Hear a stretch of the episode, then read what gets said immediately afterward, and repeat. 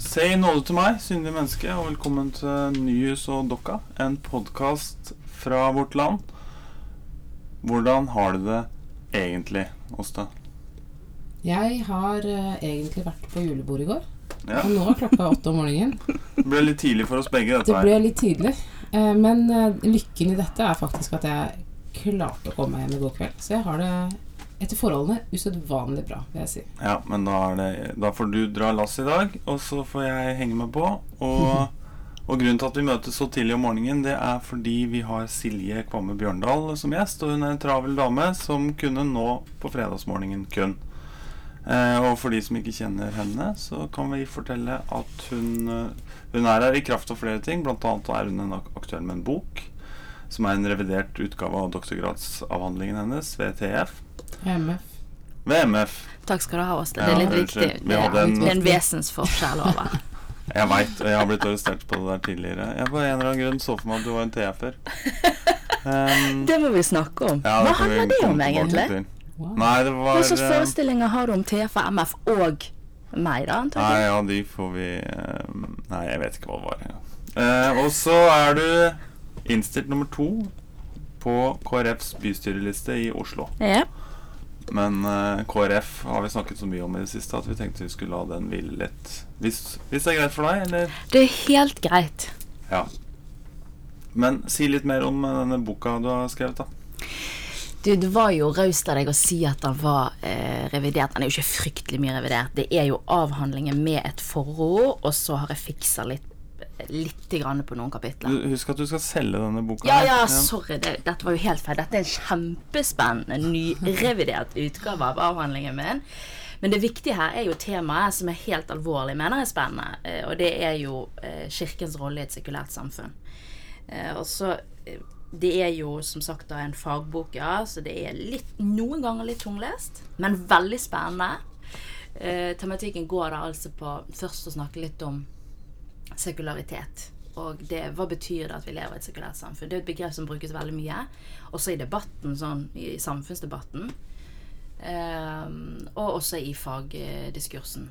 Eh, så ja, jeg vet ikke hvor detaljert det skal Jo, bli. jeg synes men du kan om Fortell oss litt om sekularitet. Hvem er det du ja, har, eh, ja, hvem er det du har brukt for å si noe om hva slags samfunn vi Ja, lever i? Og hva er egentlig eh, Hva er et sekulært samfunn? ja, Lever vi i et sekulært samfunn i dag? Ja. Hvor lang tid har vi på denne podkasten? nå, kan du, nå kan du ta Har vi noen dager? Jeg klipper hvis det blir kjedelig. For en trussel! Ok. Eh, du, jeg har gått til en eh, kanadisk filosof som heter Charles Taylor. Og han eh, har jo laget en murstein om sekularitet. Altså Secular Age heter den. Eh, og det han prøver å gjøre, er å tegne en slags bilde av hvilken forståelseshorisont er det vi som eh, sekulære mennesker lever med, mer eller mindre ubevisst. Og det syns jeg var en spennende innfallsvinkel, for ofte så snakker man, snakkes det om sekularitet i litt sånn eh, gjerne religionssosiologiske termer. At å, vi er så sekulære, vi går ikke i kirken. Eller, eller man kan snakke om de politiske termer, og det er en sekulær stat som, som skiller veldig tydelig mellom stat og kirke. Mens det han sier, så hva er det som gjør oss til sekulære mennesker? Jo, det handler om at vi, vi har vokst opp med en helt annen forståelse av oss selv i verden og universet enn bare noen få generasjoner siden. Sant? Altså Det å forholde seg til en virkelighet utenfor det materielle og fysiske var, var på en måte bare en del av forståelseshorisonten, av bakteppet. Eh, og det skal jo ikke være mange generasjoner tilbake i vårt land heller, det, før det var en helt naturlig del av virkelighetsforståelsen. Så dette er rett og slett en sånn eksistensiell, den eksistensielle sida av hva det vil si Ja. at vi ikke har noen religion som Ja. gjennomsyrer samfunnet vårt. Ja, rett og slett. Og hva gjør det også med synet på oss selv som mennesker i en sånn tilværelse? Eh, og det er jo kjempespennende for Kirken å forholde seg aktivt til. Eh, fordi at jeg tror ofte som, så kan jeg oppleve at Kirken forholder seg til å det, det er ikke nok folk som døper ungene sine, eller å det er så få på gudstjenestene våre. Eh, men hva, hva er det det handler om? Eh, hva er det som gjør at disse menneskene ikke syns at det er så eh, relevant eller interessant, eller hva man skal si, å være der. Og, ja, ja.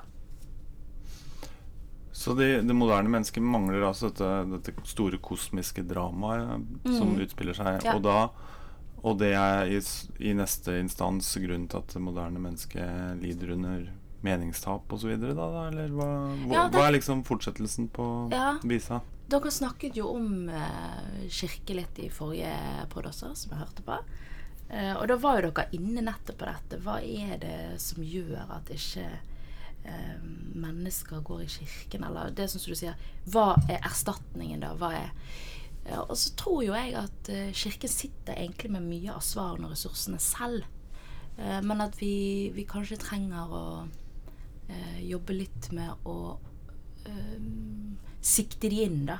Fordi, sånn som du sier, meningstap, ok. Men hvordan ser det egentlig ut eh, i praksis? Hva er det mennesker leiter etter? Og så eh, du, Dere var også inne på sist, nå husker jeg det godt, for jeg har akkurat hatt det på øret. Dette med fotballanalogien. sant? Altså man har eh, Man kan også finne mening i det fellesskapet. Eh, Men jeg tror jo at det som du snakker om nå, det kosmiske, den eh, lengselen finnes i mennesker, og den kan ikke et fotballag besvare. Det er det jeg egentlig vil si er den største forskjellen på eh, For du spurte også om det. var forskjell, egentlig, da? Hvis man finner mening i et fellesskap. Kan ikke en fotballtribune fylle den funksjonen fullt ut? Men den har altså ikke det kosmiske Nei. lyset og mørket. Da. Og jeg tror alle mennesker i løpet av et liv så møter vi på noe eh, åpenbart død. Men lidelse, eh, urettferdighet, de tingene som vi har behov for å sette inn i en fortelling, i et rammeverk. Eh, og det er der eh, jeg tenker at Kirken har en helt fantastisk ressurs i sin, eh, i sin Du nevner vel tre ressurser, Mm. hvis jeg husker rett. Fortelling, Kirkens fortelling, Kirkens fellesskap og Kirkens liturgi. Mm. Og det, og det er slik å forstå at disse er jevnbyrdige og like viktige, eller du, du rangerer det ikke? Jeg rangerer det ikke og tenker at det er et samspill. Og vi har lett for Nå kommer jo jeg fra lavkirkeligheten. Jeg kommer fra pinsebevegelsen. Og eh, det har vært en eh, lang reise, vil jeg si, for meg fra jeg begynte på MF til jeg fullførte doktorgraden. Eh, en reise inn i det her økumeniske fellesskapet og det å oppdage hva er kirke for ulike konfesjoner. Eh, så, så den oppsummeringen du gir nå, det er på sett og vis et økumenisk bidrag. Fordi at alle kirkesamfunn har jo fortellingen. Det er jo evangeliet. Det er jo Bibelens fortelling. Sant? Eh, og alle har eh, fellesskap på et eller annet vis. Så vektlegger man det ulikt teologisk. Sant? I pinsebevegelsen så er jo fellesskapet veldig viktig. Vi bygger jo en, en slags kirkeforståelse på verset i Matteus om at det er to eller tre samlet. Altså det er, det er noe konstituerende i selve fellesskapet. Eh, og så Det siste som handler om liturgi, er jo der hvor jeg opplever at pinsebevegelsen har hatt et stort vekstpotensial. Men da tenker jeg jo liturgi i en bredere forstand, ikke bare om orden i gudstjenesten. eh, Men liturgi som tilbedelse, som ordnet tilbedelse, som ordnet tjeneste for kirken. Og at liturgien er på sett og vis eh, Dette er veldig interessant, for Aristoteles sier noe om det dramaet som ligger i teateret. Og liturgien er jo på en måte kirkens fremførte drama, hvis du forstår. Absolutt. Sånn at liturgien, det som skjer i kirkerommet, er jo dramatiseringen. Eh, og det er jo det vi som kirke tar med oss ut i verden. Det er den fortelling, det er det dramaet som vi får lov til å være en del av og ta med oss ut i vår, vårt liv og tjeneste. Jeg blir nysgjerrig på um, forholdet mellom eh, mellom verden og kirke, på en måte, i, i denne måten å tenke på. Er det eh, I Norge så har det jo vært slik at eh, eh, kirkas folk til en stor grad er sammenfallende med, med mm, den generelle befolkninga. Mm. At, at det er et sammenfall mellom, mellom norsk, eh, norskhet og kristendom. Eh, og så er det i ferd med å endre seg til at man, at man får en, eh, kanskje en mer eh, Altså en utskilt eh, Det er noen mennesker som Mm. er med i kirka, og så er det ganske mange som ikke er med i kirka. Mm. Og for, altså, hva skjer da med, med forholdet til, det, til storsamfunnet? Blir man, bygger man en borg og trekker seg inn i den Mm. eh, i kirka? Eller eh, er man, eh, tenker man at, man at alle andre er en misjonsmark? Eller man, er det fiendtlighet mellom denne verden Mm. og kirka? Jeg har bare lyst til å eh, Dette er en god Er det broen til dagens til bibelord? Ordet ord, fanger. Ordet fanger. Dette er nemlig fra Johannesevangeliet, hvor Jesus ber før han eh, skal eh, altså blir tatt til fange og lider og dør. Så ber eh, Jesus for disiplene. Og så snakker han til eh, far, da, som det heter i den nye bibeloversettelsen, og sier 'Jeg har gitt dem ditt ord, men verden har lagt dem for hat'. For de er ikke av verden, slik heller ikke jeg er av verden. Jeg ber ikke om at du skal ta dem ut av verden, men at du skal bevare dem fra det onde. De er ikke av verden, slik jeg ikke er av verden. Og jeg tenker jo fra dette bibelstedet kommer vel den tanken om at uh, Jesu disipler, kirkas folk, er sin, sin måte å være i verden på er annerledes enn andre menneskers måte å være i verden på. Eh, og at kirka er en form for eh, Et annet form for eh, borgerskap, håper jeg å si. Eh, hva heter det for noe? Eh, at man er, et, man er borgere av et annet rike. Ikke kun borgere av det riket som, som er Norge eller Sverige eller hva som helst, men også borgere av en, et annet rike som er annerledes. Har du jobba noe med den derre skillet? Skille? Ja, jeg kom jo ikke så langt, men eh, etter at jeg eh, i avhandlingen eh, går til Taylor, så går jeg jo til en eh, nordamerikansk teolog som heter Stanley Hauerwas. Og han er jo veldig opptatt nettopp av det du snakker om nå. Eh, hva er det som er det særskilte med kirkens fellesskap? Og han mener jo at han skriver jo i en helt bestemt kontekst, åpenbart. Og i den konteksten så opplever han at kirken i stor grad har latt seg bruke, enten det politiske formål eller Altså, man har sluttet Eller man har gitt opp sin egenart. Eh, Og han mener at skal kirken Kirken må finne tilbake til hva er det som gjør kirke til kirke i verden. Eh, sånn som du er litt inne på nå. Eh, og jeg tror at eh, litt årsaken til at jeg først ble interessert i han som teolog, har jo med min bakgrunn å gjøre fra pinsebevegelsen. Fordi at du sier i Norge så opplever jeg gjerne at norskhet og det å være kristen går veldig i ett. Eh, men det er jo en litt annen fortelling enn man gjerne har hatt i lavkirkelighet og vekkelsesbevegelsene, hvor nettopp det har vært viktig å være i, på, i misjon, altså oppleve Norge som en misjonsmark. Og her er det mennesker som trenger å vende seg om. Og at man har sett på seg sjøl som et nettopp annerledes fellesskap. Eh, det har ikke vært sånn at man har tenkt at eh, hvis du er medlem av Den norske kirke, så er du ikke en del av misjonsmarken. Det jo, har jo vært nesten omvendt. Altså, man har virkelig trengt å vekke opp eh, de som er med i Den norske kirke. Så, så den selvforståelsen av å være et annerledes folk jeg tror jeg nok har, har, har vært reell også i Norge, i noen kristne miljø. Eh, Og er det fortsatt. Eh, Men, men til ditt spørsmål, da, når, når det utvikler seg på den måten som det gjør, vil den følelsen kanskje bli sterkere også for, for Den norske kirke, f.eks. At man opplever et annerledes fellesskap, eller det å være ikke av verden. Eh, Men jeg er vel litt sånn at eh, tenker det handler om vi er nok mer av og i denne verden kanskje enn vi innser. Og det handler om forståelseshorisont. Det handler om hvilke premisser har vi for å eh, vurdere hva er godt og hva er vondt, hva er sant, hva er rett.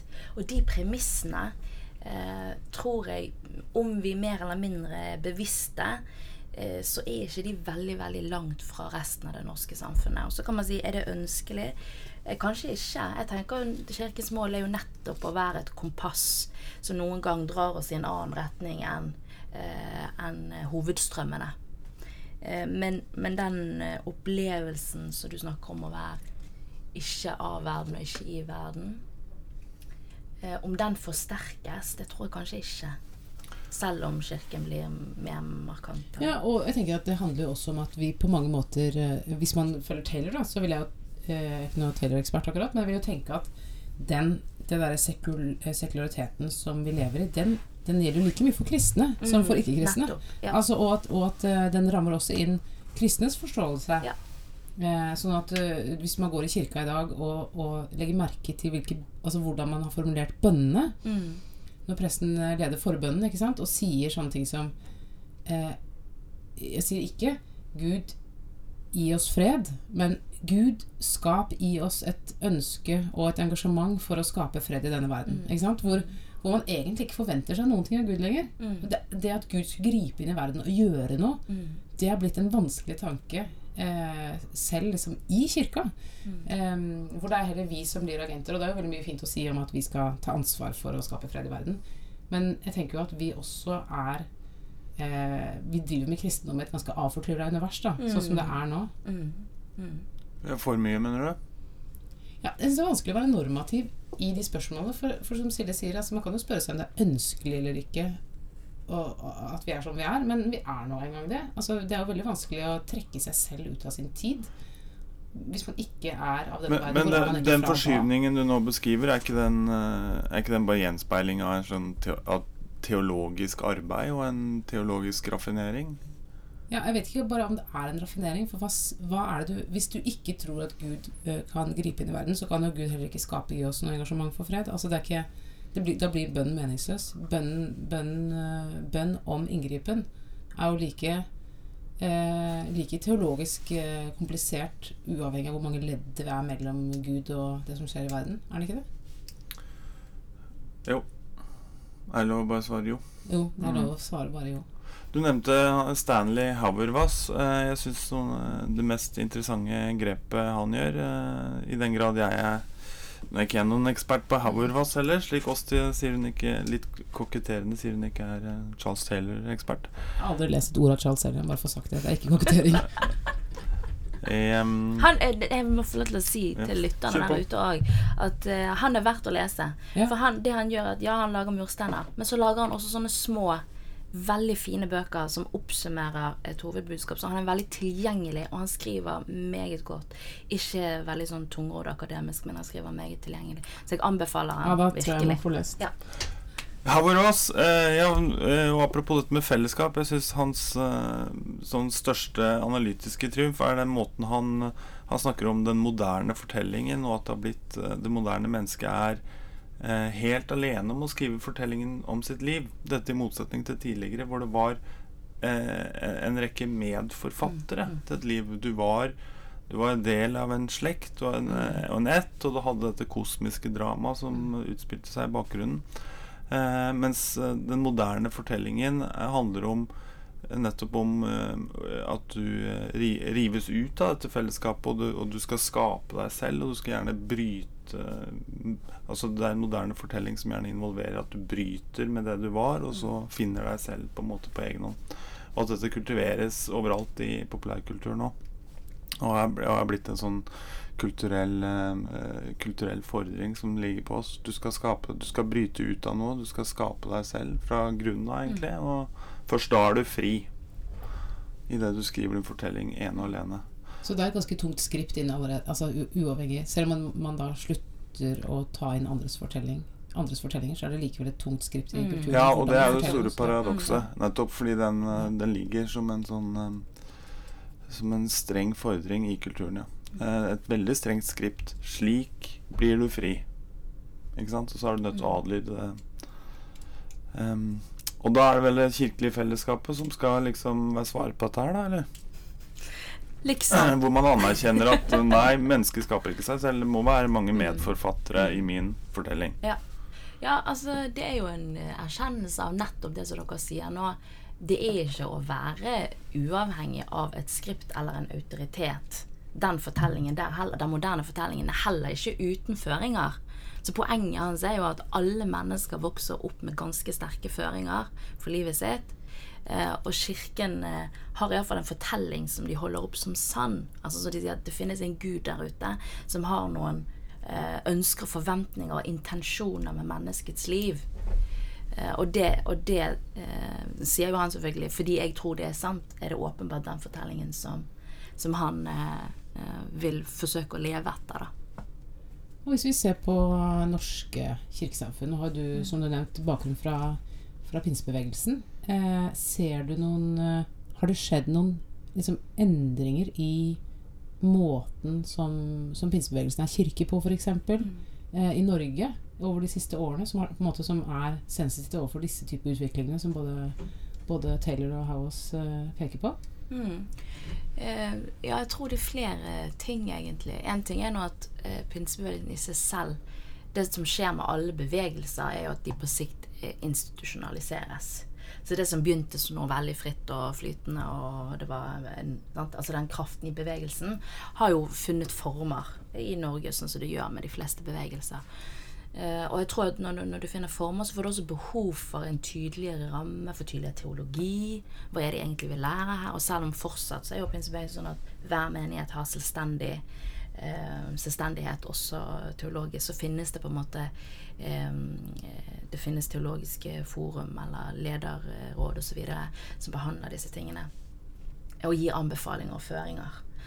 Eh, Men jeg tror at eh, det som kanskje preger pinsebevegelsen, har preget pinsebevegelsen helt- siden begynnelsen av, var jo at vi eh, altså Apropos dette med er vi en del av verden eller ikke. Og det som kanskje er litt paradoksalt, er jo at pinsebevegelsen har jo tenkt på seg selv som en motstrømsbevegelse i stor grad. Men er jo samtidig veldig et produkt av den tiden som eh, pinsebevegelsen vokste fram i på begynnelsen av 1900-tallet. Ingen eh, kirkesamfunn som er så trendbevisste som eh, pinsevennene. Nei, det kan godt være.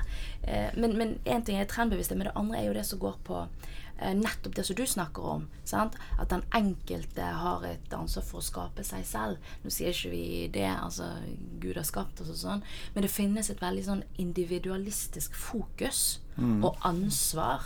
Og det som går på det karismatiske, disse gavene, sant? det er jo også veldig sånn Jeg får en gave som jeg skal på et eller annet vis forvalte, bruke osv. Så, videre. Så du mister noe av det eh, kollektive og kollektivistiske i at Kirken sammen forvalter noe, en tradisjon, en arv osv. Men det er der jeg tror, da, i forhold til det spørsmålet også, at også pinsebevegelsen er i bevegelse. Altså man har mer, og det handler jo også om å åpne opp dørene sine for det økumeniske fellesskapet, for å se at vi står i en lang tradisjon, vi er en liten grein på et stort tre. Altså den bevisstheten der opplever jeg er mye sterkere i dag eh, enn f.eks. da når mine foreldre, som også er pinsevenner, vokste opp.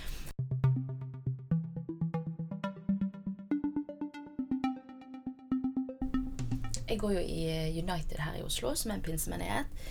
Som eh, nettopp har forsøkt å gjøre det som vi snakker litt om nå. Altså det å hente, hente ut eh, det beste av vår kristne arv.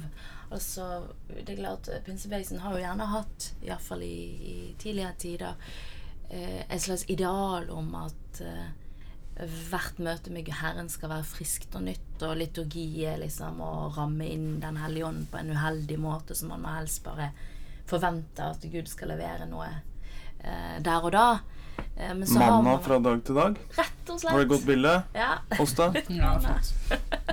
Men så har man vel kommet til den erkjennelsen av at eh, vi er en del av en 2000-årig eh, kirke og arv. Så det finnes en del uh, gullkorn der også, faktisk. Ja. Ja, man har oppdaget at eh, evangeliet er rett og slett gammelt. ja. Det var interessant. Jeg var innom uh, Kirken er et gammelt hus, kan man jo si hus, her. I denne salen. det. sammenheng. Det er veldig, Nei, er Nå er jeg i gang, merker jeg. Mm. Eh, ja, og jeg var innom nettsidene til eh, Det må jo ha vært United. eh, Mm. hvor- hvor jeg leste om selvpresentasjonen til en av pinsemenighetene her, i- her i byen. Og, og hvor, det, hvor de dro liksom rett og slett det historiske perspektivet. Ikke tilbake til Barat, som liksom var pinsemennebevegelsens eh, eh, far i Norge, i hvert fall. Mm, Men til liksom reformasjonen og, og før det. mm. Og det, det er interessant. Men det som jeg også lurer på da, er Hva skjer med de folka som har vokst opp med eh, Eller vokst opp med, altså av en eller annen grunn har eh, fortsatt det veldig sterkt i seg, den, den klassiske pinseforståelsen av eh, kristendommen, og kanskje opplever at nå beveger pinsebevegelsen seg bort fra det som jeg trodde vi holdt på med. Altså, er, er, er, Fins det noe, det noe type Det må være spenninger også innad ja. i disse Tror- menighetene. Jeg tror jo at United, er nå, som du refererer til nå, i forhold til å dra disse lange linjene, er jo eh, ikke helt representativ. Altså, det, det er nok en litt annen selvforståelse, mer klassisk eh, pinsekristendom i de fleste pinsemenigheter i Norge. Men selv, eh, selv går du til store pinsemenigheter som eh, Hillsong og Salt, som er førende i Norge. Eh, Så, så også der finnes det jo en sånn bevissthet av at vi er en del av en større familie. Selv om ikke det nødvendigvis kommer til uttrykk på samme måte som det gjør i United, så tror jeg at, eh, at det er et generasjonsskifte. Og det er klart at det kan være krevende, som du er inne på, eh, for tidligere generasjoner. Men jeg tror nok, uten at jeg har full empiri på dette, at, eh, at det også liksom preger ulike menigheter ulikt. Så at eh, de som da ønsker seg en litt mer klassisk pinsekristendom, sikkert finner seg et fellesskap som bærer preg av det.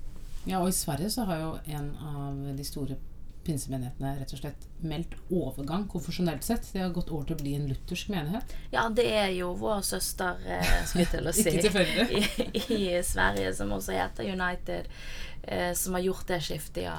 Eh, og det, det kunne vi snakket mye om, men det tror jeg vi skal, eh, skal droppe nå. Ja. Alright, da går vi stedet videre til eh, vår faste spalte, som heter Bordet fanger. Der, Ja. Og dette er jo julebordsesongen med masse selskapeligheter, så Ja. det, denne, denne spalten har aldri vært mer påkrevet enn akkurat nå.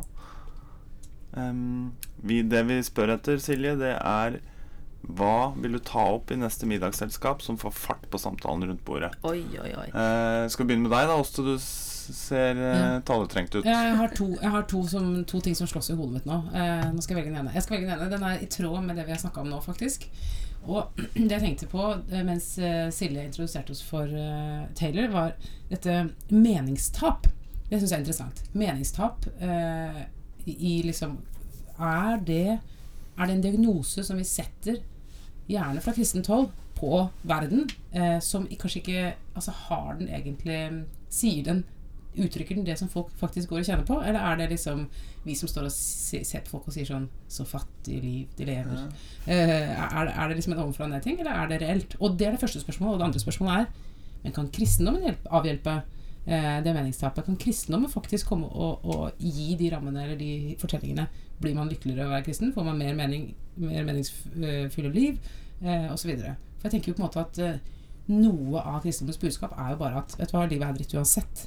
Eh, og, da, og da kan kanskje ikke kristendommen yte det som vi forventer av den, inn i dette meningstapet. Kanskje. Men det kan Altså, være, der kan folk bli sure Ja. hvis man bringer det. Silje, har du noe til eh, bordet fanger?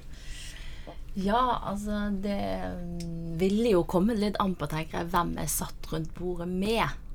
Eh, men jeg er jo av den oppfattelsen at eh, Altså Noen mener at det er dårlig kutyme å bringe opp temaer som er innenfor religion, politikk og sex. De tre tingene bør man liksom holde seg unna, for da kan folk bli stressa.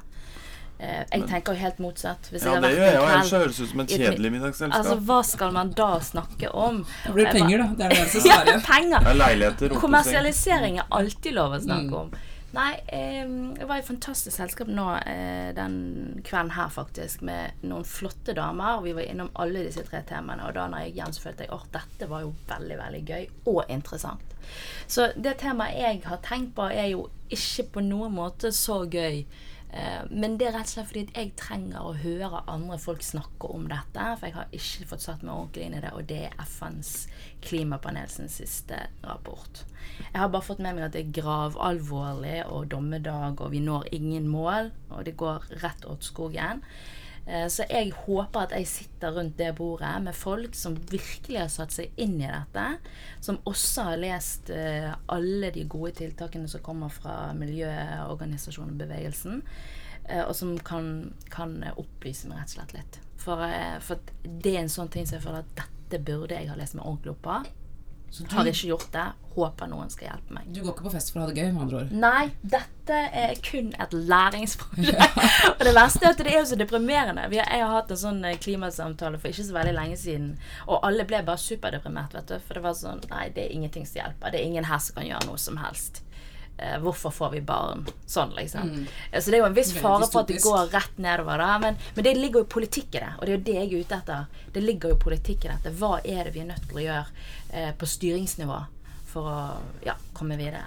Men, men det er det, jeg, jeg vet hva du snakker om, for å si det sånn. Og, men det er veldig langt mellom de som greier å formidle klimaspørsmålet på, på, på underholdende vis, om du vil. Eh, I mangel av bedre ord. Altså, Det er et veldig godt poeng. altså gode pedagoger som, som sier og forteller om dette her på en måte som fester seg, og som Klimapedagoger, rett og slett. vekker litt gjenklang. Ellers så blir det Det er veldig fort at det blir eh, litt formyndersk og, og bare trist og noe som ødelegger stemningen. Ja, det er veldig, veldig sant. Mm. Så der, det er vel noe vi lider under.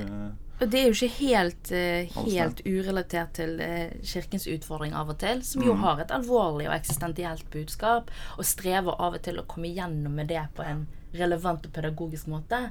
Men eh, jeg tror jo, akkurat som du sier, at eh, klimaprofetene, skulle du si, eller klimapredikantene, burde virkelig legge seg i selen for å gjøre stoffet sitt tilgjengelig og forståelig. Fordi at det er så viktig at det når ut til allmuen. Ja, for vi ser det jo på lesertall og sånn. Folk leser det ikke.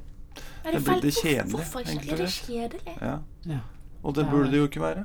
Kjedelig deprimerende. Det er en dårlig Ja. kombinasjon. Så folk gidder ikke å lese det. Men du og Håvard? Ja, tenkte på, Hva ville du eh, tatt, tatt opp på i Dette er min. Dette er min. Jeg, jeg tok med Åste i går på Oslos nye innsted, som, er, som har vært omtalt i New York Times denne uken. Oi. The Good Night. Som er en egen sjakkbar her i Oslo. Det var en gjeng fra jobb som, som ja. dro dit mellom slagene. Og, og jeg syns det var helt topp. Uh, Åste var litt mer lunken, og så kommenterer hun, for dette hadde ikke jeg engang tenkt på. Hun sier 'jeg er faktisk den eneste kvinnen her inne'. Og da var vi, vi var sikkert 100 menn der, da. Ja, det var, det var to damer. To damer. Wow. Eh, så, og da ble det jo åpenbart for meg òg at det var et veldig stort eh, kjønnsskille der inne. Um, og så tenkte jeg hvor finnes det noen tilsvarende arenaer der, eh, der, disse, der, der denne statistikken snus på hodet, og det er nesten utelukkende kvinner? Og ingen menn. For det, det slo meg i hvert fall at sjakk er en mannsbastion. God som noen. Men hva har kvinnene til gjengjeld? Vi har jo, altså, vi har jo strikking, f.eks.